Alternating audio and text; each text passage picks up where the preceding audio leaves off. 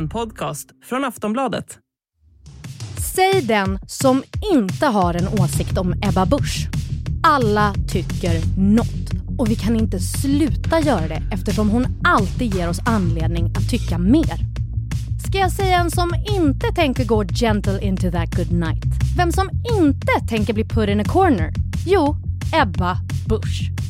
Vad är det som gör att hon lyckas reta upp, agitera och engagera som hon gör? Och det här senaste draget när hon gosar med Jimmy Åkesson på ett demensboende. Vad är hennes mästerplan bakom det? Dessutom gluttar vi på Liberalernas nya posterboy Johan Persson. Vem är det han vill framstå som? Det här är Aftonbladets politikpodd En runda till med Lena Melin, My Råvedder och mig, Soraya Hashim.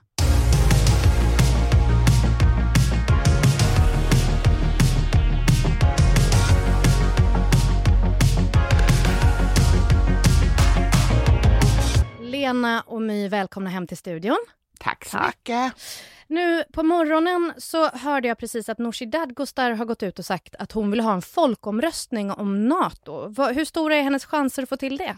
Noll. Små. Noll. Why? Det är ingen som kommer stödja det förutom kanske Miljöpartiet. Och dessutom så, så tar det för lång tid. Och, och rodda med en folkomröstning? Ja, det här ska ju vara beslut om några veckor så då, då så kort framförhållning kan man inte ha med en folkomröstning. Nej, ja, ja. Vi måste prata om Ebba Busch. Hon tvingar oss till det här. Eh, jag kan inte låta bli. Eh, vi ska ta en snabb recap för den som mot förmodan missat vad som har hänt den senaste veckan. Ebba var med i Sveriges Radios lördagsintervju och då sa hon apropå upploppen som var i påskas så här. Men vi är alltså minst hundra skadade poliser. Och den stora frågan som borde ställas nu är varför har vi inte minst hundra skadade islamister, hundra skadade kriminella, hundra skadade upprorsmakare? Vi hade personer som tog till sten i syfte att döda svensk polis, i syfte att döda räddningstjänst, i syfte att döda i vissa fall sjukvårdspersonal. De borde vara de som är skadade, inte svensk polis. Så frågan som borde ställas, det är ju varför sköts det inte skarpt? Alltså blir det konstigare ju fler gånger man hör det? Uh, ja, så är det. Det här fick ju naturligtvis enormt mycket kritik, bland annat från polisfacket som sa att en politiker som uppmanar svensk polis att skada ett hundratal personer genom att skjuta skarpt inte hör hemma i en rättsstat. Och justitieminister Morgan Johansson som inte direkt snålade när han sa “är hon inte riktigt klok?”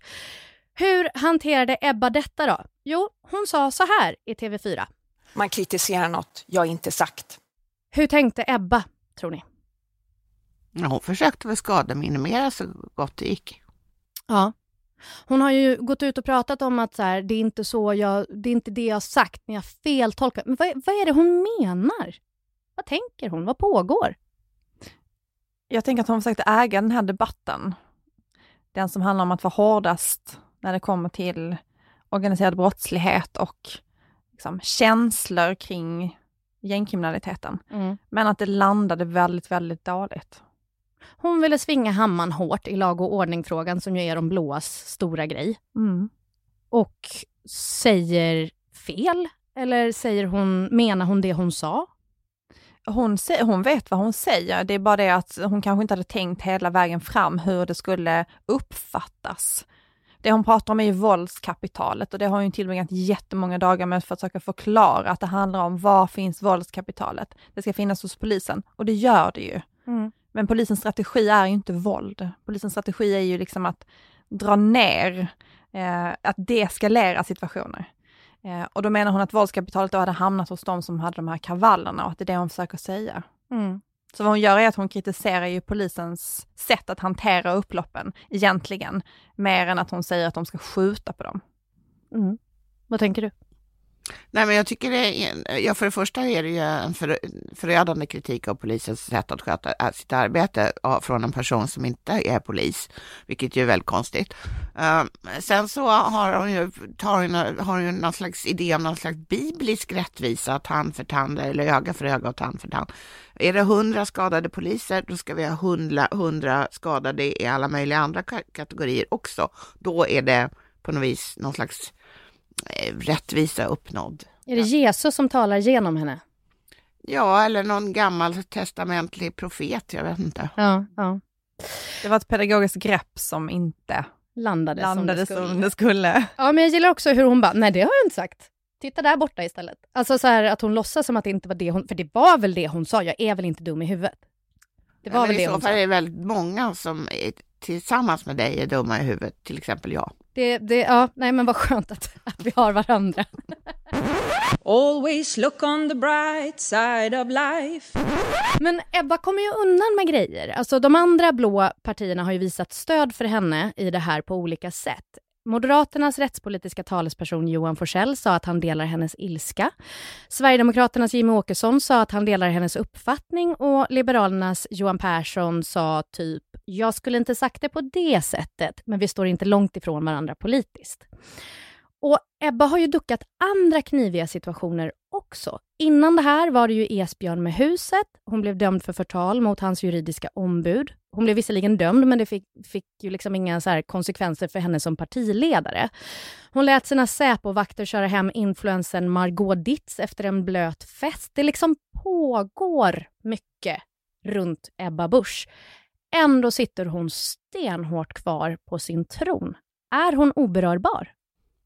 Det är väl kanske så också, för det första att hon inte har suttit jätte, jättelänge och det gick ju ändå bra för Kristdemokraterna i förra valet och hennes, eh, det var, till stor del var ju det hennes förtjänst.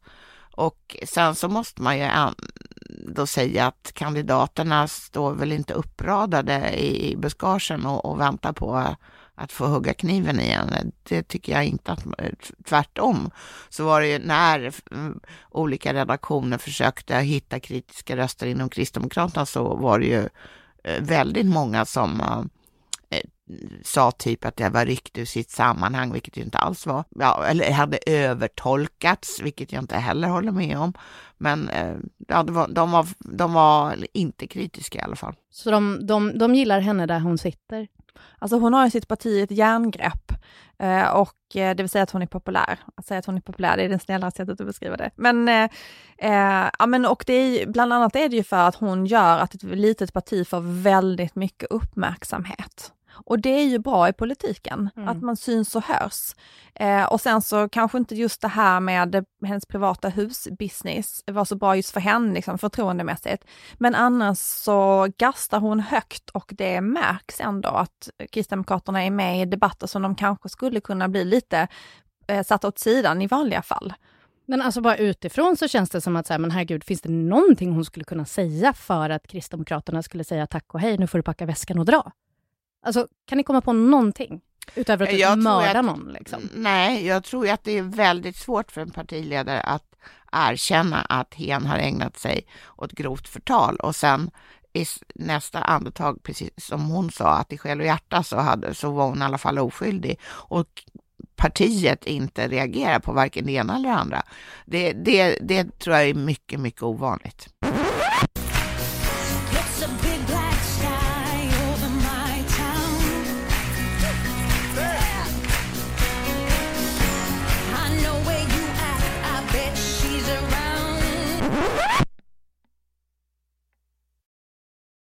Jag kommer att tänka på, eh, i Fångarna på fortet så fanns det ett rum där det, där det var en massa snören dragna överallt och så den som skulle igenom rummet till nyckeln skulle liksom på något sätt krångla sig igenom de här snörena utan att nudda dem. Den bilden får jag lite av Ebba Busch som liksom verkar klara allt. Hon verkar ta sig igenom allt. Är det så att hon är en exceptionellt duktig partiledare?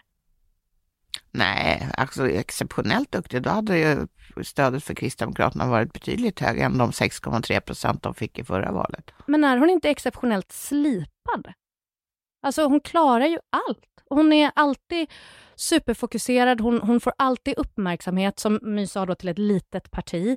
Hon, hon går genom rutan, hon är ju liksom... Jag, jag skulle vilja säga att det inte alls var slipat och, och, och ägna sig åt den här tvisten med Esbjörn 81. Nej. Eh, inte på det sättet som hon gjorde det. Eh, det var väldigt eh, oslipat, därför det drabbade både hennes eget förtroende och partiets opinionssiffror. Att hon dessutom toppar det med att eh, eh, grovt förtala eh, Esbjörns ju- juridiska ombud Eh, är väl, var väl inte heller så slipad kan man tycka. Utan jag tror att hon går mycket på känsla och tyvärr inte tänker igenom riktigt i förväg var det hela ska landa och det tror jag det här uttalandet i, i, i eh, eller de uttalandena i, i Ekots lördagsintervju också ett eh, bevis för. Men just det här med att ha stöd i sin egen rörelse, jag tycker att det är ju någonting man ofta ser för att i, vara med, medlem i ett politiskt parti, det är ju lite att ge upp sin frihet. Alltså sitt fria tänkande på ett sätt. Man måste liksom ställa sig bakom ett koncept, oavsett om man liksom inte tycker om alla delar så måste man stå bakom det. Och man måste stå bakom sin partiledare. Eh, det ska liksom mycket till för att det där ska svänga och när det svänger så går det ju snabbt, det har vi ju också sett. Men det som jag tycker att man ser ofta är ju att vi och vanliga människor som inte är med i partier och som inte liksom följer en ledare har lite svårt ibland att förstå deras känslor kring sin partiledare. Att det finns liksom en personlig relation till partiledaren, att de är ju i andra rum än vad vi är och ser andra sidor, liksom de här personliga, de här mänskliga sidorna. Det här liksom att man charmar människor, att man får människor att må bra, att man liksom eh, skapar liksom en känsla inom ett parti. Sekterismen. Exakt, det är inte så himla långt ifrån, Mm. eh, kan jag tänka mig, du som är expert på sektorn. Men, men och, och det är ju någonting som, att, som vi som är utanför och, vä- och väljare också ju inte ser och det är därför det ibland blir lite konstigt att förstå, tror jag. Eh, att, hur, hur man, att man inte ser att väljarna kanske tycker att någonting verkar konstigt, för inom liksom den här gruppen så hyllar man ändå sin ledare fram tills att man inte gör det. Jo, men jag bara tänker, hon har ju undkommit jättemånga olika situationer. Hon råkar ut för drev efter drev och allting verkar bara rinna av henne. Hon liksom studsar alltid tillbaka. Jag tänker så här, är det hennes personlighetstyp? Är hon en gås? Rinner det av henne på riktigt eller går hon hem och gråter i badkaret till All by myself som vi andra? Alltså, Nej, jag tror absolut inte att hon gråter i bad, bad, badkaret. Jag tror att hon tycker att hon gör rätt nästan jämt. ja men och det, det är väl en viktig egenskap i en partiledare ändå, om hon ska liksom fortsätta Ja, kämpa man får ju på. inte vara en grubblare om man ska vara partiledare. Det tror jag är jättedåligt. För att man, alltså det är ju korta snärtiga meningar som, eh, som inte eh, som ska kommuniceras, inte om och men. Nej, men precis. Och där tycker jag att hon är begåvad. Alltså, jag tänker också så här, hon säger ju uppseendeväckande saker. Hon flyttar fram gränser för vad man kan säga och därmed också för vad andra kan säga. Hon är inte helt laglydig, hon är en showkvinna som gör sig bra i rutan och verkar helt orädd och obrydd om konsekvenser. Hon skapar känslor i människor. Är hon Sveriges motsvarighet till Donald Trump, eller i alla fall det närmaste vi kommer? Alltså, jag tycker inte att det är en eh, helt rättvis jämförelse för att Ebba Busch eh, håller sig, precis som de flesta svenska politiker, till sanningen. Mm.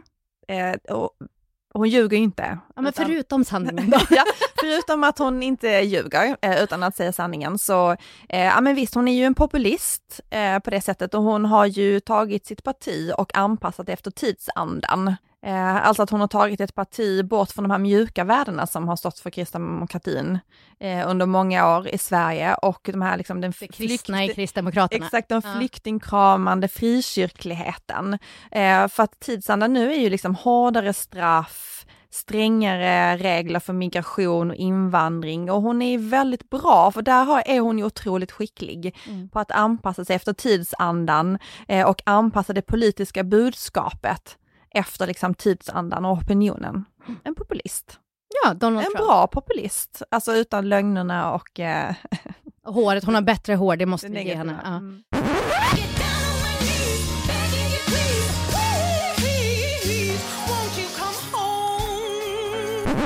En annan sak som har hänt nu, det var precis nu som hon eh, besökte ett omvårdsboende i Blekinge. I, I måndags var det hon gjorde det. Vem är det som bor i Blekinge? Jimmy Åkesson. Jimmy Åkesson! Han fick eh, haka på henne dit och där fanns det ju såklart både kameror och mikrofoner, alltså journalister. Och det här var första gången som Jimmy har fått hänga med på en sån här publik utflykt. Det finns bilder när de fnissar ihop, de gullar med en hund, de kramas. Alltså det var en stark bildsättning till det här reportaget. Otroligt. Ja, Ja, jag tycker man ska gå in och titta på det. En liten reklam för Expressen här då. ja, Ja, gå in där och kolla. Expressen. Sök Jimmy Ebba. Vad, vad var hennes motiv till att släpa upp Jimmy ur soffan i Sölvesborg? Jag tror att hon lite vill ta täten i, i um, alltså Kristdemokraterna tänker sig ju bilda regering tillsammans med Moderaterna. Mm. Och jag tror att Ebba hela tiden eh, drivs lite av att, så säga, gå före Ulf Kristersson i vissa frågor. Och det gjorde hon ju genom att vara före Ulf Kristersson med att eh, äta lunch med Jimmy Åkesson och då mm, inleda någon typ av samarbete, i alla fall att de pratar med varandra. Just det, hon bjöd in honom till vuxenbordet. Ja, Ja. precis. Och de käkar köttbullar. Mm Ja. som ju inte var så himla vuxet då. Men, eh, och sen så vid ett senare tillfälle så träffades Ulf Kristersson och Jimmy Åkesson. Så jag tror att hon, hon, alltså precis som My var inne på här förut, alltså jag tror att hon drivs väldigt mycket av att stå i fokus. Mm. Mm, och det, det kan man ju göra på olika sätt, bland annat att ta täten i den här typen av, av eh, sammanhang. Nobody puts Ebba in a corner. Nej, det kan man verkligen hålla med om. Nej. Men jag tror, eh, jag håller helt med ehm, eh, Lena och jag tror också att hon vill se till att det kostar mer för SD att dra sig ur ett potentiellt samarbete efter valet. Alltså att om deras väljare ser dem mycket tillsammans och Mm. får en tydlig bild av att det här är det samarbets, samarbetet som kommer att bli, då blir det också en större svekdebatt för Sverigedemokraterna efter valet om de skulle dra sig ur den här typen av samarbete för att de inte får vad de vill eller de är missnöjda med någonting. Hon spelar långsiktigt alltså. Ja men absolut, Mm. det, det gör man ju väl alltid som politiker. Eller? Förutom i lördagsintervjun då, där hon hafsar ur sig saker. Ja men det var nog tänkt långsiktigt men kortsiktigt tänkt på en långsiktig sak. Um, nej men så att jag tror att hon vill ju också, ju mer ju hårdare hon knyter Sverigedemokraterna och Jimmy Åkesson eh, till sig, desto svårare blir det ju för dem, för dem sen att dra sig ur. Och sen så blev han ju så glad. Ja, men han var så han var så glad. Han var så sedd. Mm. Men, men visar inte det här då, som ni säger, visar inte det hennes ambition, att liksom hennes ambitioner är mycket större än att spela andra fiol i en framtida MKD-regering? Kommer hon nöja sig med att sitta där på sidlinjen? Nej, men jag tror inte, nej, jag tror inte alls att hon tycker att hon ska spela någon andra fiol. Men hur mycket kommer hon få att säga till om egentligen? Alltså, KD är ju inte så stora. Nej, men om vi nu tänker oss att det skulle bli en moderat och moderatledd regering med Kristdemokraterna, Mm. så det är klart att jämfört med den storlek som Kristdemokraterna eh, får i valet i höst, så kommer ju de ha ett stort inflytande, därför att det får man ju i samarbeten. Um, alltså, regeringen fattar kollektiva beslut. Så att bara det gör ju att man får ett oproportionerligt stort inflytande. Så länge hon har foten inne liksom, så spelar det inte så stor roll hur många som faktiskt röstade på henne menar du? Nej, Ja. precis. ja. Och det är ju alltid så som just Jimmy Åkesson faktiskt har resonerat. Han har tyckt att det var viktigare att Sverigedemokraterna behåller en vågmästarställning än växer. Därför att det ger ju dem ett mycket större inflytande. Mm. Okej. Nu har ju den här, när han sa det här så hade vi fortfarande den gamla blockpolitiken så det kanske inte är fullt lika relevant idag. Mm. Så vad tänker ni, hur mår Alf Svensson hemma i Gränna när han ser Ebba göra sin grej nu för tiden? Och då tror jag han ägnar sig åt from bön. Stark bild.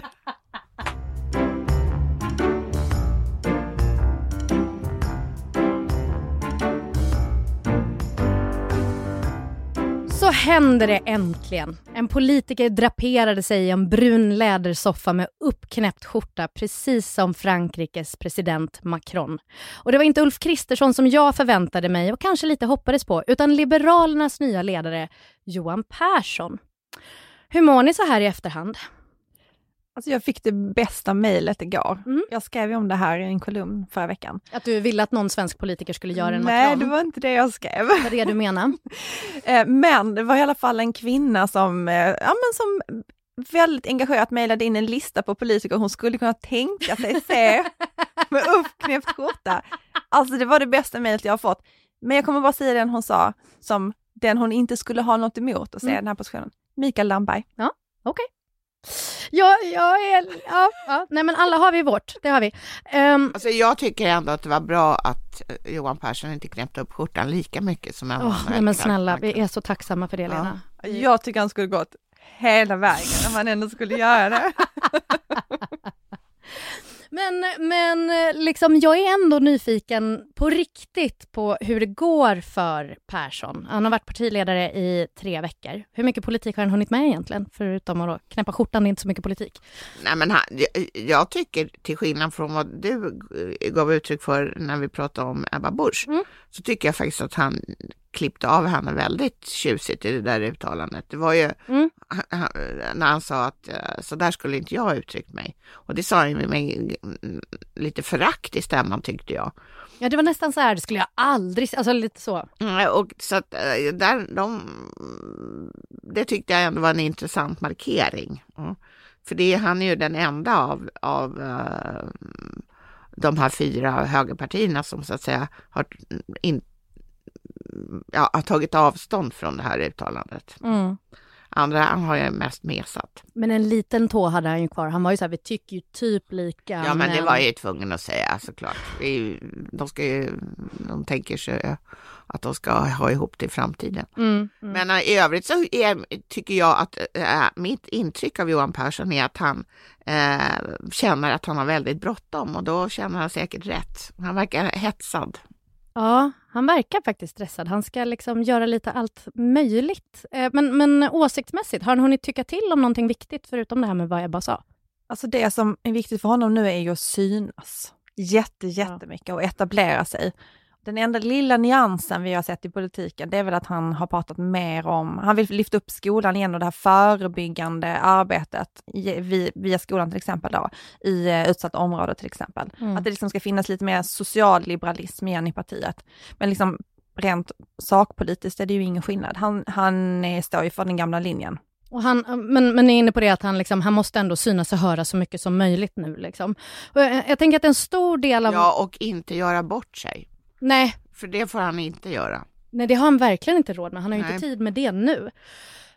En stor del av att vara partiledare är ju också bilden man målar upp av sig själv som person. Vare sig man skulle gilla det spelet eller inte så är det ju så. Det är inte lika lätt att lyckas i politiken, föreställer jag mig, om man är en helt platt tråkmåns utan personlighet. Nå- någonting behöver man. Eller? Eller? Vem tänker du på? Nej men... Jag tänkte nej, inga jag namn tänkte- nämnda. Nej, jag tänker inga namn. Nej, inga namn. Eh, My, jag känner dig väl nog för att veta att du har myst loss till Johans Instagramkonto. Du har suttit där på fredagskvällarna, myst ner med en kopp te, en varm filt och scrollat och uppdaterat vad han sysslar med i sociala medier. Eh, nej. Jo, det har du. Nej, för att det gick ganska snabbt. Alltså, Ja. Antingen har han ju rensat sitt Instagramkonto, som Nooshi Dadgostar också gjorde, vilket vi kan förstå. Ja, de rensar det som har funnits innan de blir Exakt, partiledare exakt. och så börjar de om på ny kula. Ehm, eller så är det bara så att han började. Hans första bild är typ så här, jag är Liberalernas nya partiledare. Så att det har inte gått att mysa ner sig i någonting där, även om det har varit mycket intensiv aktivitet de senaste veckorna. Vad är det han vill berätta om sig själv då? Vilken bild är det han vill måla upp? Att han är en kul kille, Okej. det är det. Vad är det för typ av grejer han lägger upp? Har du några favoriter du kan berätta om? En, en, en rolig sak, för jag var och hängde med honom förra veckan, Mm. en rolig sak som han tydligen har sagt, var ju att han är bra på alla sporter. Va? Jag skrattar vad jag säger där. Eh, Det var, jag vet inte hur mycket trovärdighet det ligger i det här uttalandet, men att han till exempel då liksom utmanar folk. Han utmanade eh, skolungdomar på eh, pingis, bordtennis, vad heter det? Eh, och han spelar biljard också på någon bild. Sådär. Ja, nej, det var bara en liten kuriosa, men det är väl typ den typen av käckhet. Lena, vad säger du då? Vilken typ av politiker upplever du att han vill förmedla att han är när du ser liksom, intervjuer i radio och tv-tidningar? Ja, att han är en bättre ledare för Liberalerna än Nyamko Sabuni. Men då kan man ju vara exakt vad som helst egentligen, så länge man inte är Nyamko Sabuni. Ja, men alltså, Johan Persson, det, jag hoppas att det är någon annan som ägnar sig åt hans eh, sociala, sociala mediekonto, för han har inte tid med sånt där. Utan vad han måste göra nu är ju att etablera Liberalerna som ett parti som eh, går att lita på, som driver vissa frågor och då får han eh, bestämma sig vilka frågor det- är, för att han har typ tid att prata om så himla många frågor. Det är fyra månader kvar till valet Mm. eh, lite drygt. Och det är det han måste göra. Så att hålla på och flamsa runt med, med uppknäppta korter, det, det får någon annan tänka ut åt honom hoppas jag. Mm, För mm. hans egen skull. Och, och hur, hur nära är han det då, det här du efterfrågar? Inte alls. För att han håller på att lägga tiden på att tramsa istället? Nej, det tror jag inte, utan det är därför att eh, jag har inte märkt någon stringens i budskapet. Mm. Lena, du får ta på dig Nestor-hatten här lite nu. Eh, på med den mössan. Eh, du har ju sett desperata partier i valrörelser förr. Du har sett gröngölingar till partiledare flera gånger. Johan Persson är, som du säger, en pressad man i ett pressat parti med kort om tid till valet. Vilka fällor måste han undvika nu? Han måste undvika och det är som vi sa här alldeles nyss, han är ju ganska skojig ibland. Men det kan också gå väldigt fel, så jag tror att det är lika bra att han skiter i att vara skojig och bara ägnar sig åt att vara möjligtvis trevlig kan han ju vara, mm. men inte skojig. Och sen så måste han, får han inte spret, budskapet måste, alltså det måste koncentreras till tre, fyra frågor som, som han mal på, ungefär som Magdalena Andersson gjorde i början av sin eh, partiledartid. Men nu har hon så mycket med Ukraina, så nu har hon, jag vet om tills vidare. Okej, så tre, fyra grejer. Har, har, har ni något förslag på vad de tre, fyra grejerna ska vara? Vad kommer han lyckas bäst inom? Nej, men hans eget område är ju, är ju faktiskt det rättspolitiska. Så det tror jag, och där, där bottnar han ju, där liksom, eh, det kan han. Mm. Så jag tror att det är väl bra om man ägnar sig åt, om det är en av de här frågorna. Jag har några exempel på situationer som Johan kan hamna i. Och jag vill att ni ska säga hur han ska agera. Nu får han vässa öronen här om man lyssnar. Om kossan Doris gör en comeback och vill dansa med honom i TV, ska han tacka ja? Nej. Ja. Om Mikael Bindefeld vill fira sin födelsedag i Tel Aviv igen och bjuda in Johan och andra politiker utöver de sedvanliga kändisarna, det här som hände för ett tag sedan som det blev mycket rabalder kring. Ska han tacka ja? Ebba var i Tel Aviv. Ebba var i Tel Aviv. Eh, ska han tacka ja? Nej. Men det kommer han att göra. Om det visar sig att det har blivit lite fel med något bidrag, något kvitto, någon betalning eller så, sånt som ju har hänt flera politiker, vad ska han göra då? Lägga korten på bordet. Dirr. Bara gå fram, hallå media, jag har gjort det här. Mm. Mm. För då kommer ingen vara intresserad av det. Man vill avslöja sånt själv som journalist. Mm, jag håller med. Och betala för sig. Johan Persson, lycka till. Så, så konstruktivt. Ring oss för fler tips. Vilken nytta! Varsågod! En runda till är slut för den här gången. Snart kör vi lyssnarfrågor igen, så om du vill få med din fråga till Lena och My så kan du mejla in den på podcast.aftonbladet.se. Fråga vad du vill. Helst om politik eller politiker, men det är inte hela världen. Vi som har gjort programmet idag är producent Olivia Svensson, experter Lena Melin och My Råveder och jag heter Soraya Hashim. Adjö.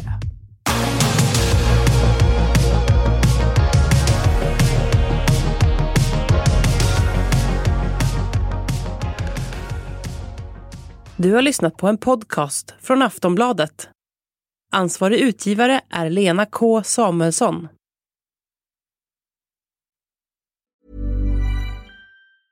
Even when we're on a budget, we still deserve nice things. Quince is a place to scoop up stunning high-end goods for 50 to 80% less than similar brands. They have buttery soft cashmere sweaters starting at $50, luxurious Italian leather bags, and so much more. Plus, Quince only works with factories that use safe, ethical, and responsible manufacturing.